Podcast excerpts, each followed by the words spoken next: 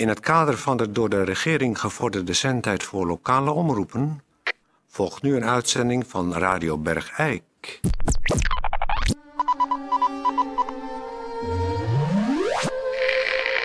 Radio Bergijk. Het radiostation voor Bergijk. Uw gastheer.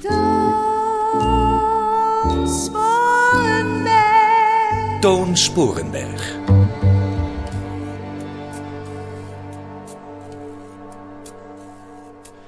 Dames en heren, ehm, hartelijk welkom eh, bij Radio Bergijk. Het is, eh, het is een, eh, een- ja, toch een beetje een donkere dag natuurlijk vandaag. Ehm, en met groot ceremonieel worden vandaag... nou goed, eh, ik, ik zou voor willen stellen, dames en heren, eh, gaat u rustig thuis zitten. Ehm, en laat u eh, indrukken op deze dag, een gewijde dag eigenlijk, op u inwerken. Naar aanleiding van de reportage die we nu gaan uitzenden.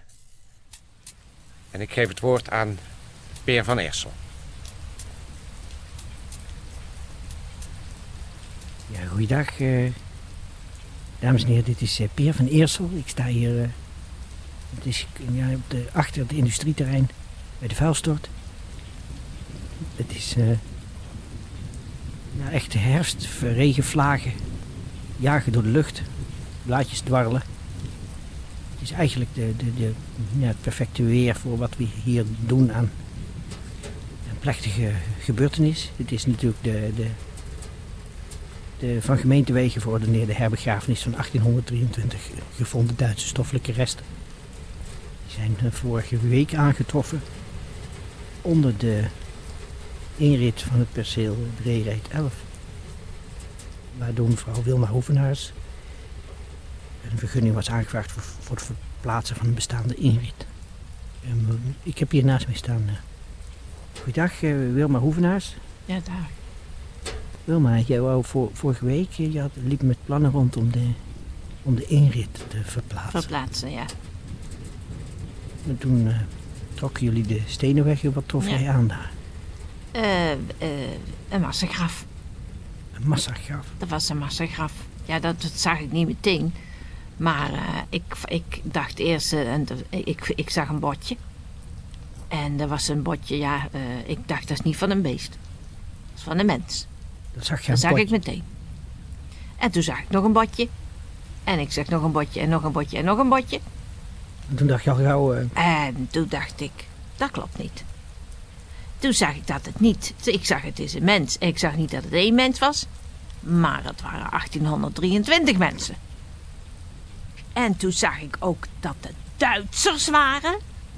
En dat zag ik omdat ik een helm tegenkwam. En dat ken ik natuurlijk van de films en Oh, de wacht foto's. even, even, even, even, even. Wilma, voor je verder uit met je Ja. verhaal. Daar komt de scoutinggroep Bergijk met de kransen hier voorbij schuifelen.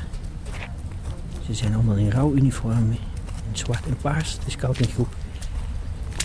De jongens en meisjes dragen allemaal een grafkrans. Zijn er Ja.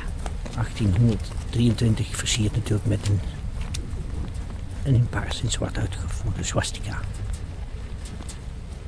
Ehm, goed, Wi- Wilma, jij, jij, ja, jij trof 1823 stoffelijke Ja. aan. Van Duitsers. Ja. Van onze geliefde Duitsers. Duitsers. En ik dacht eerst, wat zal ik doen? Zal ik het gewoon laten liggen? Maar dan denk je toch, nee, dat doe ik niet. Dus ik, ben, ik, ik heb het er allemaal uitgehaald. Samen met mijn man heb ik het er allemaal uitgehaald. En je benen bij benen, armen bij armen, schedels. En toen dacht ik, ik moet iemand inschakelen. Heb dat gedaan, heb ik mensen gebeld van de gemeente. Zijn gekomen. Ja, toen is er van gemeentewegen een eh, rampenidentificatieteam Ja, opgezet. toen, werd het, toen is het allemaal professioneel. Is het allemaal, eh, Toen zijn er tenten over je huis gezet, Ja. tenten over de inrichting. ja, En daar, eh, daar brandden dag en nacht lampen en daar ging het rampenidentificatieteam. Die ging de identificatieplaatjes van de Duitsers los, ja. eigenlijk loskrabben uit Ja. de resten. ja, ja. Dat En was de- het. Daar is nu een lijst opgesteld. Kijk, wacht even. Even, sst, even. Ja, Daar komt nu een, eh, een rouwkoets. Daarop een, eh, weet marmeren plaat met 1823. Ja, het is aangrijpend om te zien. Alle namen staan erin gegraveerd. Karel, ik zie een Karel, ik zie een Heinz, ik zie een Karel. Daar komt de man die uiteindelijk de officiële handeling zal verrichten. Dat is natuurlijk onze gewezen ambassadeur in Rusten, Jozef van Hunstedt. Uh, goeiedag, meneer van Hunstedt. Goedendag. U gaat zo direct eh, de officiële herbegrafenis met een officiële handeling inleiden. Dat is juist, ja. Het is natuurlijk uh, voor mij ook heel erg schokkend om dit ja, te hebben vernomen vorige week. Juist in een gemeente als Bergijk, waar we juist zulke warme banden mee hadden. En ik hoop dan ook dat dit met gepaste, gewijde sfeer en ceremonieel kan plaatsvinden. Ik ben erg blij dat de scouting onmiddellijk heeft gereageerd. En dat de gemeente ook heeft gereageerd met ter beschikking te stellen van ja, muziek. En de shovel natuurlijk. Ja, want ik zal het even voor de luisteraars uitleggen. Het zijn natuurlijk heel veel stoffelijke resten. Die zijn nu hier neergelegd in vier ongeveer gelijke bergen. Ja. Uh, en die bergen, u zult de, straks de eerste berg ceremonieel met de shovel, waar u straks op gaat zitten, ja. uh, de kuil inschuiven. Precies, dat is uh, de bedoeling, ja. En de gemeente heeft gezorgd voor plechtige muziek daarbij. En daarbij is gekozen voor een man die. een man hier uit Bergijk. Hij wil anoniem blijven, want dit is allemaal te meerdere eer van de 1823 Duitsers. Deze man is gespecialiseerd in het uh, nadoen van een grote, bijzonder grote gitzwarte neger. Met geweldig dikke lip. De neger draagt meestal een vrij strak gala-uniform. Met een uh, witte pet met een zwarte klep. En speelt daarbij uh, bij dit soort gelegenheden op een blinkende trompet de last post. Nou, en deze meneer uit Bergijk die heeft ons gebeld en die zegt ik kan dat nadoen. En toen heeft de gemeente toestemming gegeven. Oh wacht, daar treedt de man naar voren. Hij heeft gewoon een overal aan en staat op klompen. In de resten. Zonder trompet. Hij veegt zijn lippen af met een doekje. Na het eindigen van de muziek start ik de show voor. Daar klimt meneer Van Hoenstedt op de shovel. Goed, Wilma, even, even gewijde ja. stilte. De man duidt zijn lippen.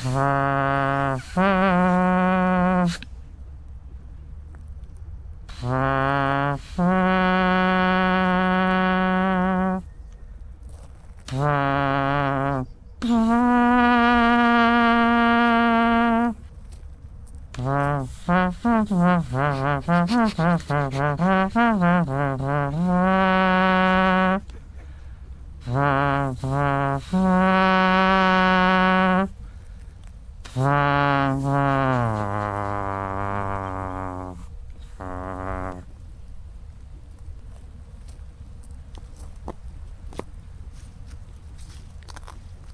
man treedt terug, veegt zijn lippen weer af, een soort bonte zakdoek. Zet de pet weer op. En daar start de shovel. En daar worden op plechtige wijze de eerste ongeveer 400 stoffelijke resten in de kuil geschoven.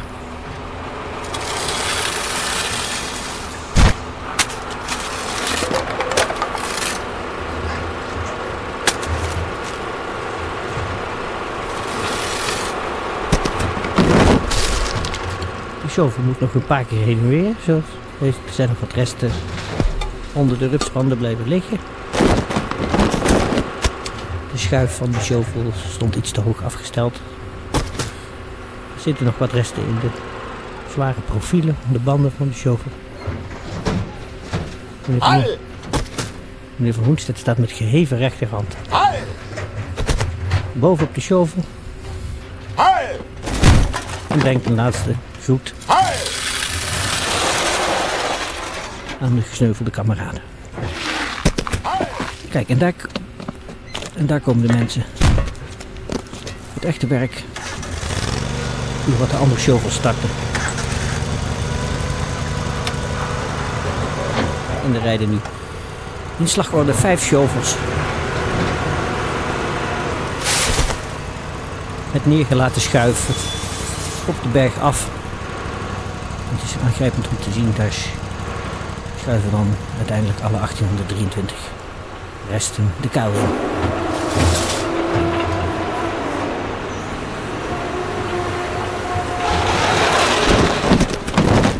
Daar komen de vrachtwagens. Daar komen de vrachtwagens met afgewerkte grond. Daar gaan de jeepwagens omhoog.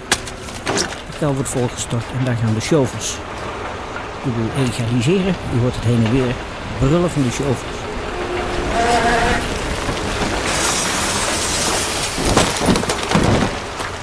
Straks zal de gemeentelijke plantsoenendienst zorg dragen voor het plaatsen van de marmeren plaketten en het aanbrengen van de groenvoorzieningen. En de bordjes Bergijk hondentoilet. Blijkt dat bij mij uit de tuin weg is.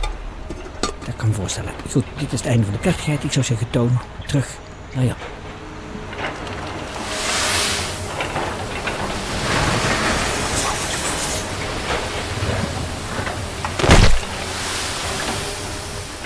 Nou, eh ronduit indrukwekkend. Dit verslag vanaf de vuilstort. De gewijde begrafenis van 1823. Duitsers gevonden hier te Bergijk. Ik zou zeggen, besteed allemaal een moment van aandacht en gedachte aan deze onvertuidelijke slachtoffers van wat toch waarschijnlijk een echte oorlogmisdaad genoemd moet worden. Ehm, het lijkt mij het verstandigst om hierbij nog wat gewijde muziek te draaien, gewijde Duitse muziek. En vanaf deze plek zeg ik dan, dan nu alvast, alle gezonde bergrijkenaren kop op en alle zieke bergrijkenaren natuurlijk beterschap.